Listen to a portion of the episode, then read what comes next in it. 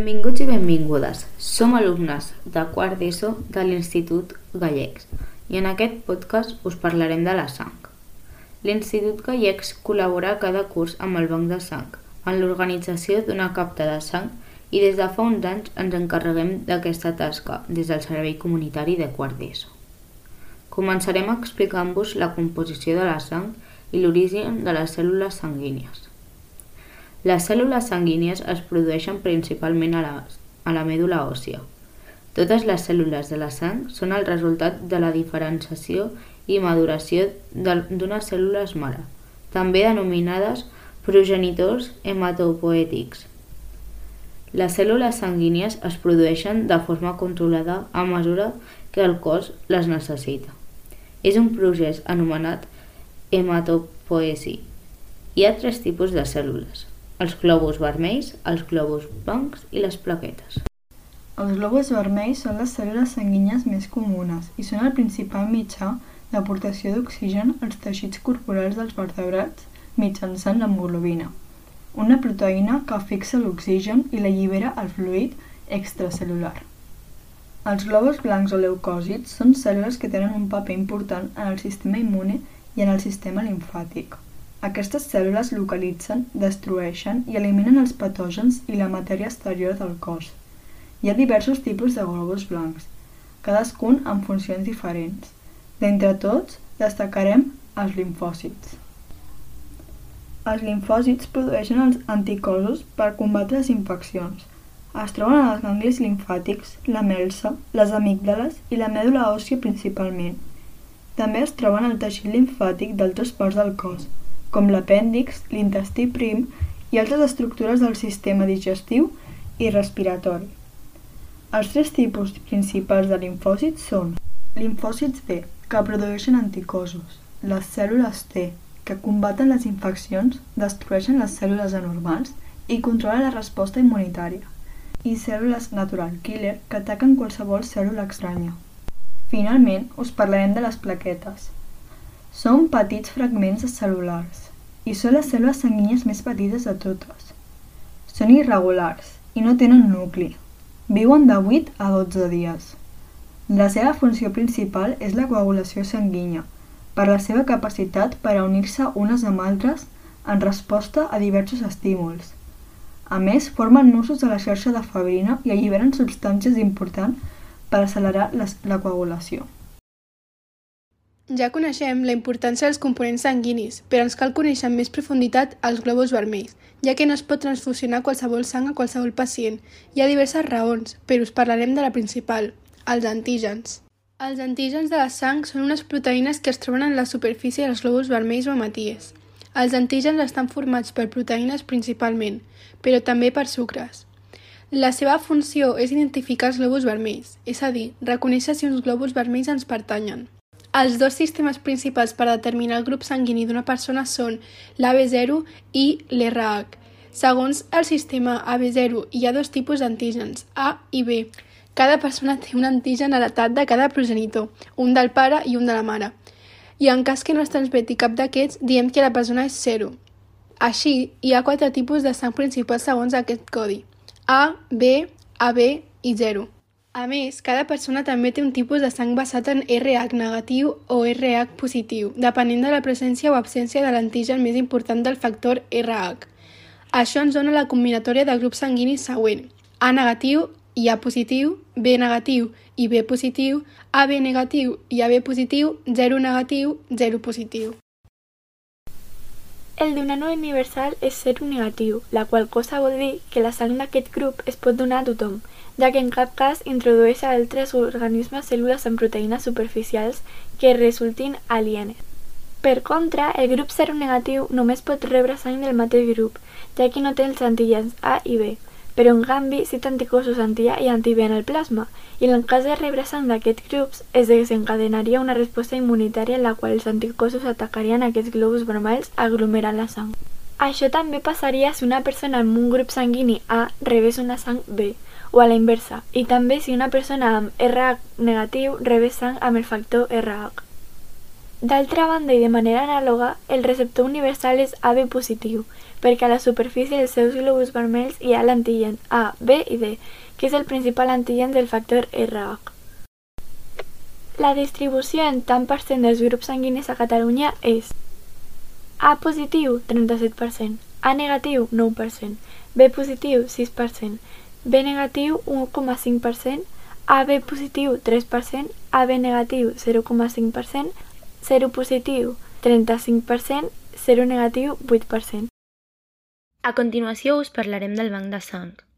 El Banc de Sang i Teixits és una empresa pública del Departament de la Salut de la Generalitat de Catalunya, que té com a missió garantir l'abastament i el bon ús de sang i teixits a Catalunya, i és el centre de referència en immunologia diagnòstica i de desenvolupament de les teràpies avançades.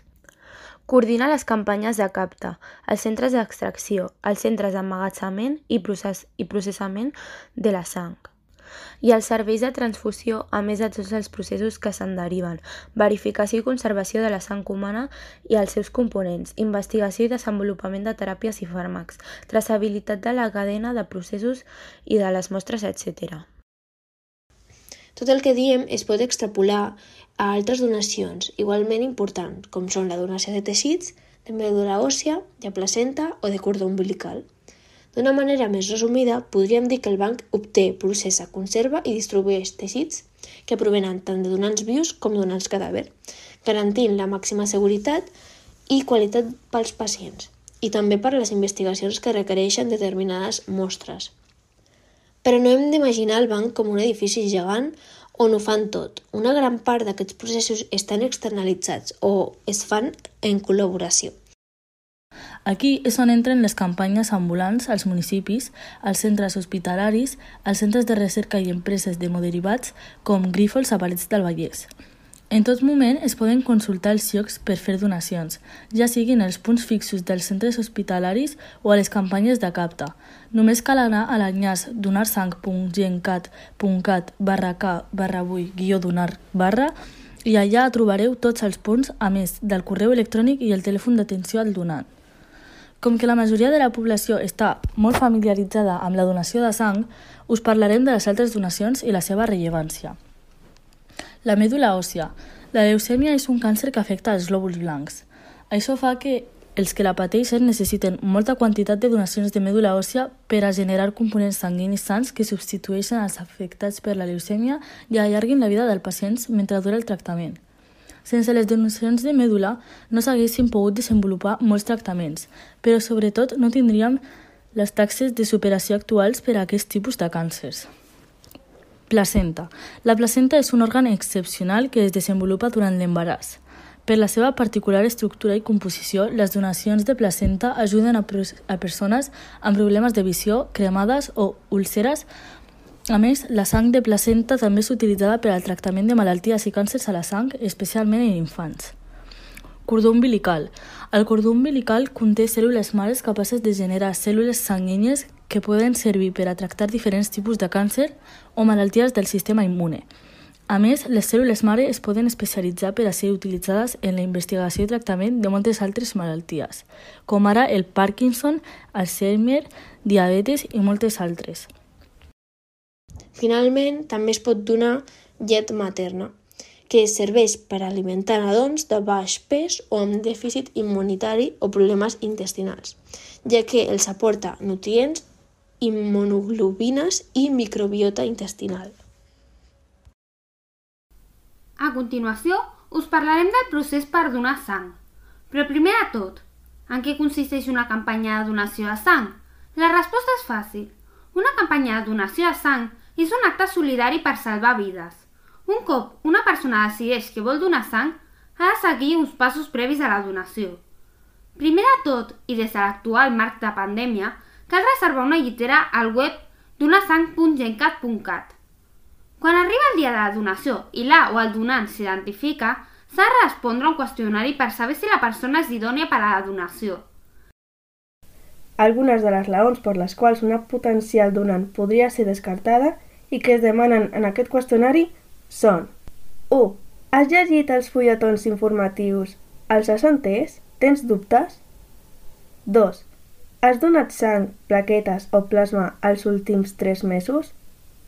3. et trobes bé de salut? 4. Si ets una dona, estàs embarassada o has estat els últims 6 mesos? 5. Estàs prenent o has pres els últims dies algun medicament? I 6. Estàs actualment a la llista d'espera per alguna consulta o exploració mèdica? A més d'aquestes, hi ha altres qüestions relatives a l'activitat professional o l'activitat física que s'ha de desenvolupar en les hores posteriors a la donació, o amb estades en altres països. A continuació, el personal mèdic revisa el teu qüestionari i després es comprova la pressió sanguínia i els nivells d'hemoglobina. Si tot és correcte, ens dirigim a l'espai d'extracció i ens estirem a la llitera. Un cop estiguem situats, el personal que realitza les extraccions ens deixarà triar el braç i ens dirà si hem de fer algun tipus de moviment amb la mà per facilitar la pulsió. Es separen uns primers tubs per ona analítica i extreuren la sang fins a un volum de 470 mil·lilitres. Una vegada extreta la sang, es comenten les recomanacions postdonació, que són beure líquids, evitar l'activitat física o l'aixecament de càrregues pesades durant 5 hores si et trobes desorientat, estira't amb els peus elevats fins que se't passi i durant les següents 5 hores cal mantenir el bandatge posat i sec. Finalment, abans de marxar, cal aturar-se al set d'avituallament i beure líquids i menjar per assegurar-se de que ens trobem perfectament i no es produeix cap esvaïment per una baixada de pressió arterial. Una cosa que cal tenir molt clara, una donació no és una anàlisi de sang, S'han donat casos de persones que, creient que calia anar en dejú a la donació, s'han desmaiat per la manca de nutrients i sobretot per la manca d'informació. El camí de la sang Els hospitals catalans necessiten aproximadament unes 1.000 donacions de sang al dia. Aquestes donacions primer passen pel laboratori d'elaboració dels components sanguinis de Catalunya. La primera màquina per on passa la sang s'encarrega de registrar el codi de donació, el pes que ha d'estar comprès entre 735 i 860 grams, i la temperatura, que ha de ser d'uns 22 graus. En aquest laboratori, a part de les bosses de sang, també processen els tubs de mostra que s'extreuen de cada donant, per tal de tipificar el grup sanguini i analitzar qualsevol tipus d'infecció que pogués afectar les persones receptores. Les bosses de sang es passen a la centrifugadora, que decanta fraccions segons densitat i permet extreure per separat plaquetes, globus blancs, plasma i glòbuls vermells. El procés de centrifugació separa tots els components en un temps de només 20 minuts. El plasma és la part més fluida de la sang. És de color groguenc i quasi transparent. La seva composició depèn del que mengem, però el component àmpliament majoritari és l'aigua. El plasma es congela en unes safates per conservar-lo. El plasma d'home i el de dona tenen usos diferents. El d'home s'utilitza per les transfusions, però el de les zones no s'utilitzen transfusions perquè quan queden embarassades generen uns anticossos que podrien causar incompatibilitats en les persones receptores.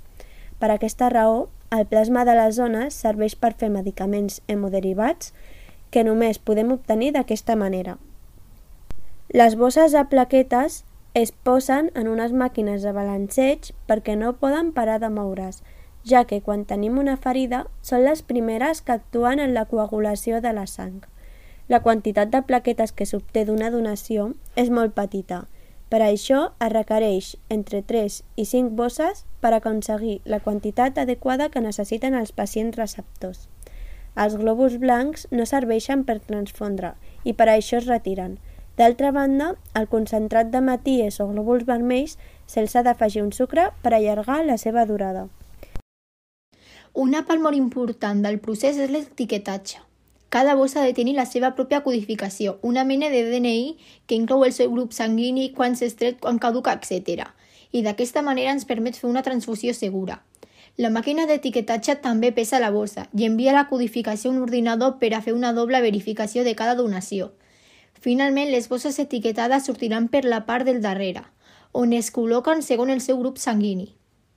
De vegades pot passar que la màquina no pot etiquetar una bossa i les expulsa per uns carrils.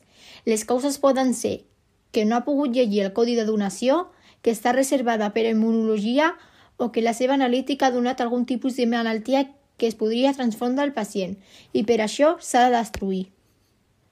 Per últim, quan ja s'han separat pels seus grups sanguinis corresponents, es col·loquen en lots en una càmera a 4 graus centígrads i ja estaran llestes per arribar als hospitals. De què serveix donar sang? La sang que donem té moltes utilitats. El primer que fan amb la nostra sang és dividir-la en tres parts. Les plaquetes, el plasma i hematies. La sang que es dona pot arribar a ajudar a tractar moltes malalties diferents. Algunes com leucèmia, malalties del cor, cremades, hemorraies, malalties de la sang que requereixen medicaments, hemoderivats com l'hemofília i altres. I també es fan transplantaments. Una donació ja salva una vida. Com hem dit, la sang la divideixen en tres parts. Per tant, es pot dedicar a tractar tres persones en paral·lel. De tota manera, molts tractaments requereixen de 3 i 4 bosses cada vegada. Per tant, es pot dir que en termes mitjans l'afirmació és certa, tot i que el més rellevant és que cada donació ajuda a tractar persones i malalties diferents. A part de donar sang, es poden donar més coses? Sí, hi ha moltíssimes donacions que es poden fer. El banc de sang regula la donació de sang i altres teixits. Ha altres donacions importants com les de cèl·lules mare. Aquestes s'utilitzen per tractar alguns casos de càncer. Hi ha dues formes de donar aquestes cèl·lules, mitjançant el cordó umbilical de les embarassades o per la mèdula òssia. A més, també es poden obtenir components sanguinis a partir del cordó, la placenta i la mèdula. També pot donar mèdula a qualsevol persona entre els 18 o 55 anys, encara que les condicions poden canviar si es tracta d'un familiar. Nosaltres us animem a fer-vos donants. Imagineu la felicitat de saber que, amb un petit gest, ha salvat una vida.